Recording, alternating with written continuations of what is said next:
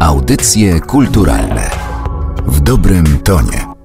Przy mikrofonie Katarzyna Oklińska. Odwiedzamy dziś Jurajską Dolinę, która bywa niesprawiedliwa. Poznamy historię Joanny i Władka, którzy jak w każdej małej społeczności mają swoją tajemnicę. Przyjrzymy się także magii wiejskości i zastanowimy nad mocą stereotypu, a także czy społeczna akceptacja jest niezbędna do życia, tego szczęśliwego. Naszym gościem jest dzisiaj Andrzej Muszyński, autor książki Bez, ballada o Joannie i Władku z Jurajskiej Doliny. Dzień dobry. Dzień dobry, witam serdecznie. Można by powiedzieć, że to książka o bezdzietności, ale wydaje mi się, że to byłoby spore uproszczenie, choć trudno jest nie zacząć od tego wątku. Od tego przecież zaczyna się ta książka i na tym przede wszystkim skupia, na bezdzietności głównych bohaterów. Czytając tę powieść, miałam nieodparte wrażenie, że bezdzietność wyniósł pan do sfery sakrum. Bezdzietność niechcianą, która nigdy nie była planowana, która staje się czymś w rodzaju fatum. Tak, ktoś mi ostatnio powiedział, prowadząc ze mną rozmowę na ten temat, że, że to było dla niego tak naprawdę zaskakujące, dla kogoś wychowanego w środowisku miejskim, intelektualisty, dla osoby, która żyje nowocześnie, że bezdzietność, niechciana w tym przypadku, może okazać się dla kogoś problemem kosmicznym. On użył tego słowa, kosmicznym. Ja sobie pomyślałem wtedy, właśnie, dokładnie chodzi o to, dokładnie chodzi o to słowo kosmicznym, czyli egzystencjalnym, ponieważ często osoby, które zmagają się z tym problemem i dla których jest to dramatem, bo tutaj nie ma reguły oczywiście, no ma to po prostu wymiar kosmiczny, a więc wymiar sakrum, bo mówimy w końcu o, o życiu, o jego istocie. Ktoś, kto nie radzi sobie z tym problemem, nie rozumie, dlaczego jemu szansa na powielenie życia została odebrana. To jest, to jest niezrozumiałe w szczególności w szczególności w kontekście kultu płodności, w którym żyjemy wciąż, bo nasza cywilizacja zaczęła się od kultu płodności kilkanaście tysięcy lat temu. Te słynne figurki Wenus. A dzisiaj, kiedy włączymy telewizję, reklamy i tak dalej, to jest absolutnie to samo, tylko troszeczkę w innej odsłonie. Więc rzeczywiście zgadzam się z panią. I też, ponieważ ja też czerpałem z rozmaitych doświadczeń ludzi, czy nie jestem autorem, pisarzem, który kreuje postaci wydarzenia zupełnie abstrakcyjnie, zupełnie abstrakcyjnie, to, to wiem, że jest tak, że w takiej sytuacji nagle przed człowiekiem stają naprawdę duże pytania egzystencjalne. I to, o czym my dyskutujemy często w szkołach, o wyborach moralnych, to jest naprawdę nic w porównaniu z tym, co dzieje się, kiedy to staje się po prostu rzeczywistością, kiedy to nabiera treści w tym przypadku właśnie kosmiczny, egzystencjalny. Ale nie pozostawia pan tych dwojga ludzi bez winy. Joanna i Władek są przecież w jakimś stopniu odpowiedzialni za swoją bezdzietność. Był taki moment w ich związku, gdy byli młodzi i być może niezbyt gotowi na dziecko, że zdecydowali o tym, jak potoczą się ich sprawy. Z drugiej jednak strony pokazuje pan, jak ironiczny może być los, przeznaczenie, czy też przypadek, jakkolwiek to nazwiemy, i pokazuje pan, że nie zawsze możemy sobie wszystko zaplanować? Oj, planowanie to jest sfera diabła. To jest rzecz absolutnie diabelska. Ja myślę, że prędzej czy później każdy, kto ponosi konsekwencje swoich wyborów, zdaje sobie sprawę, że tak jest. Że dobrze jest się oduczyć planować, albo dobrze jest mieć dystans do planu. I faktycznie nasz bohater Władek jest osobą, która pielęgnuje w sobie taki dziki perfekcjonizm. Ostatnio mi się tak powiedziało i stwierdziłem, że to jest dosyć zasadne sformułowanie. Że to do niego bardzo pasuje, tak. To do niego pasuje po prostu, tak, bo, bo ten perfekcjonizm jego jest jakiś nieokiełznany, on jest ostatecznie zupełnie destrukcyjny dla jego osobowości. I cały problem tej opowieści polega właśnie na tym, że moment, kiedy on próbuje wyzwolić się z tej swojej destrukcyjnej siły, kiedy już czuje, że jest gdzieś na granicy, że musi coś zrobić, niestety schodzi się w czasie z tym dramatem związanym z ich bezpłodnością, z tym, że po prostu okazuje się, że ich płód, dziecko, no po prostu obumiera. I zaczyna się wojna. No, proszę zwrócić uwagę, jak my określamy tę historię w słowniku języka polskiego. Walka o dziecko, prawda? Jakaś para walczyła o dziecko.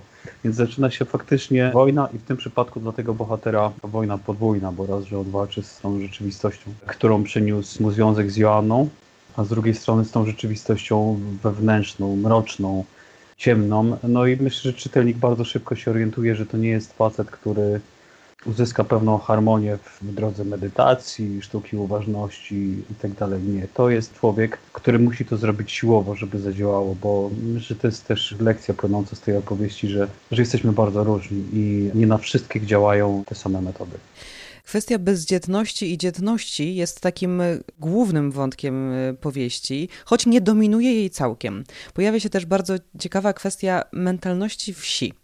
Wiele książek i filmów porusza ten temat. Jednym z moich ulubionych jest film Z daleka widok jest piękny Anny i Wilhelma Sosnalów.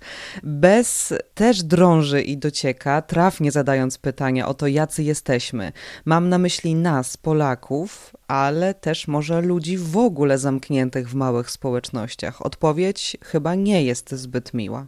Panie, generalnie to myślę, myślę w ten sposób, że, że faktycznie ta odpowiedź nie jest miła, ponieważ my wychodzimy do ludzi z pewnymi projekcjami, często z nadzieją. Nie jest tak, że zawsze wychodzimy do kogoś z uprzedzeniem. Często jest to ochota na to, żeby spotkać kogoś, kto spełnia nasze myśli o ideale człowieka i tak dalej. A często to po prostu pęka i myślę, że tak naprawdę nie ma co dzielić tutaj społeczeństwa na te dwa plemiona, miejskie, wiejskie, konserwatywne, mniej konserwatywne, jeśli chodzi o to, dlatego że często okazuje się, że wyjeżdżamy do małej miejscowości z, z nadzieją, że spotkamy tego czystego, prostego człowieka, o którym pisał Barańczek w swoim cudownym wierszu, pisząc, żeby się ten prosty człowiek w końcu zdecydował na coś. A z drugiej strony bywa tak, że wychodzimy do, do ludzi, których nazywamy elitą, gdzie liczymy na jakiś etos inteligencki, gdzie liczymy na to, że ktoś etykę traktuje poważnie, serio, a okazuje się często, że tak nie jest. I to jest tak naprawdę zawód. Tu nie ma żadnej satysfakcji. I w tej opowieści mamy małą społeczność wiejską, konserwatywną, która w związku Władka i Joanny zderza się z tą stroną wielkomiejską, inteligencką. Nie powiem liberalną, dlatego że akurat rodzice Władka należą raczej do tej części konserwatywnej, co okazuje się wprost pod koniec, kiedy Joanna dokonuje takiego katarzis, to znaczy to jest osoba, która która nagrywa rozmowy, która ma bzika na punkcie nagrywania ludzi, przy tym pasjonatką radiotechniki i pod koniec jest taka znacząca scena, w której ona postanawia się jakby symbolicznie oczyścić z tego wszystkiego i wypuścić te słowa w weter. I tam właśnie dowiadujemy się, że matka Władka z tej krakowskiej rodziny w którymś momencie powiedziała, że ma pewne obiekcje co do ich udziału w procedurze in vitro, prawda? Moglibyśmy się spodziewać czegoś zupełnie odwrotnego, że to na wsi oni spotkają się pod tym względem z jakimś ostracyzmem. Tymczasem matka Joanny na wsi mówi dzieci, róbcie swoje, po prostu to nie lekarze dają dzieci, tylko, tylko Bóg. Więc można się w tym pogubić. I ta rzeczywistość faktycznie jest w tej książce dla bohaterów opresyjna, ale ja myślę, że ona nie jest opresyjna dlatego, że oni mieszkają w tej, w tej podkrakowskiej dolinie, na wsi, na prowincji. Ona jest opresyjna dlatego, że sytuacja biologiczna, w której oni się znaleźli, psychologiczna, oni przeżywają po prostu traumę, oni 10 lat swojego życia walczą o przetrwanie de facto ona jest dla nich opresyjna i w związku z tym całe życie ma taki kolor, ludzie mają taki kolor. Oczywiście w takiej małej społeczności prędzej się można dopatrzyć takiego elementu represyjnego, ale tylko i wyłącznie dlatego, że jest to natura małej społeczności, natomiast duże społeczności robią to po prostu na swój sposób inaczej. Zgoda. Zgadzam się z Pana opinią. To, o czym mówiłam, dotyczyło bardziej anonimowości, to znaczy w mniejszej społeczności jesteśmy bardziej wystawieni na atak ludzi, na to, co powiedzą oni. W dużym mieście możemy się gdzieś schować i, i nie być ocenianymi. Ale mówimy o, o społeczności w Dolinie pod Krzeszowicami, niedaleko Krakowa. Postanowił pan pisać o konkretnym miejscu w Polsce, może nie wskazywać palcem, ale umiejscowić na jakimś ograniczonym obszarze. Dlaczego? Żeby ta powieść była bardziej realna? Chyba dlatego, żeby sobie ją uwiarygodnić dla siebie samego. Nie lubię się oszukiwać sam siebie jako autor. Ta książka ma długą historię tak naprawdę, bo to jest przecież rzecz e, objętościowo niewielka, to jest 200 stron, a pisałem ją ponad rok. Natomiast przedtem wyrzuciłem do kosza ze dwa maszynopisy, jeden, jeden 100 stron, drugi ponad 100 stron, bo po prostu jakoś sobie w tym wszystkim nie ufałem. No, już wielokrotnie mówiłem o tym, że to jest potwornie trudny temat dla, dla autora, dla pisarza. I pani przychodzi do głowy taka metafora, która być może dla wielu osób wyda się zupełnie egzotyczna, natomiast dla mnie jest bardzo bliska z tego względu, że mieszkam w Jurze Krakowsko-Częstochowskiej właśnie. Pisanie bezpłodności to jest coś takiego jak próba opisania skały. Ja uważam w ogóle, że na warsztatach literackich powinno się autorom zadać takie zadanie. Opisz skałę. Coś niebywale trudnego, dlatego że bez nazw własnych, bez ciągłego odnoszenia się do innych definicji, jest to niebywale trudne. Miałem takie poczucie pisząc tę książkę właśnie, więc mam wrażenie, że to jest w ogóle mój sposób na, na opowieść, bo jak sobie przypomnę moje poprzednie książki, to to wyglądało zupełnie podobnie. Podobnie.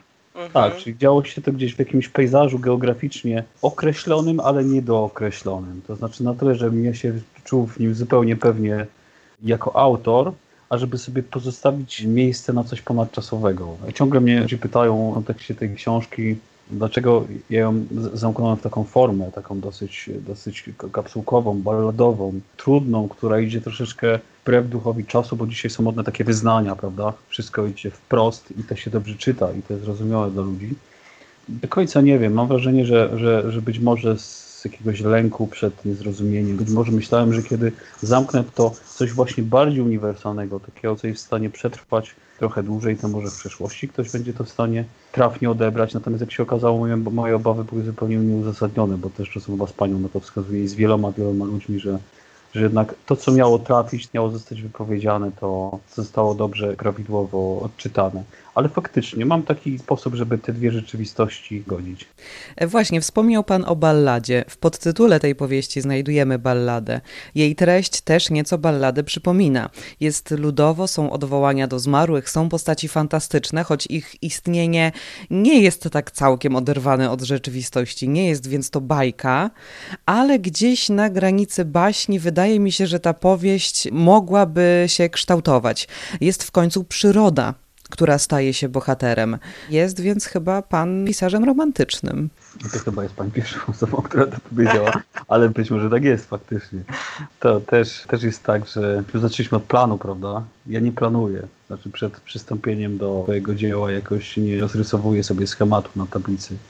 To nie było tak, że ja z uprzedzeniem zaplanowałem formę tej opowieści jako balladę i, i próbowałem to zrealizować. Nie, to przyszło bardzo naturalnie. W sytuacji, kiedy ja nie piszę w jakiś sposób swobodnie, to piszę gorzej, więc dbam już o to, mając już jakieś doświadczenie, żeby sobie stworzyć dobre warunki do tego, czyli po prostu, żebym się czuł zupełnie swobodny i wolny pod każdym względem, absolutnie. To jest dla mnie niezwykle, niezwykle istotne. No i w połowie pracy się zorientowałem, że to się układa coś w rodzaju ballady, a ponieważ nie jestem teoretykiem literatury, nie miałem pewności, to sobie zajrzałem do jednej i drugiej książki, żeby się upewnić, co piszę. I okazało się, że faktycznie coś takiego się dzieje. Wątków fantastycznych jako takich absolutnie nie ma, natomiast y, myślę, że czytelnicy widzą, widzą to przede wszystkim w aurze tego tekstu, po prostu. W baśniowości tej opowieści. Mhm. Takiej tajemniczości. Tak, dokładnie, więc to się chyba chyba odnosi do tego. To jest też tak, że to miejsce, w którym, w którym żyję i teraz patrzę przez okno na ten pejzaż, ono naprawdę skłania do snucia takich opowieści. Zauważyłem też taką, taką rzecz, ponieważ ja przez długie, długie lata byłem zupełnie poza mediami społecznościowymi, z, z wyboru po prostu. Zajmowałem się zupełnie innymi rzeczami. I jakby byłem zupełnie odcięty od tej, tej współczesnej narracji, która tam się właśnie skrapa na Facebooku. I parę tygodni temu wróciłem, postanowiłem po prostu zorganizować sobie taką swoją tablicę na Facebooku, na której mógłbym pisać sobie po prostu to, co zechcę i kiedy, kiedy chcę.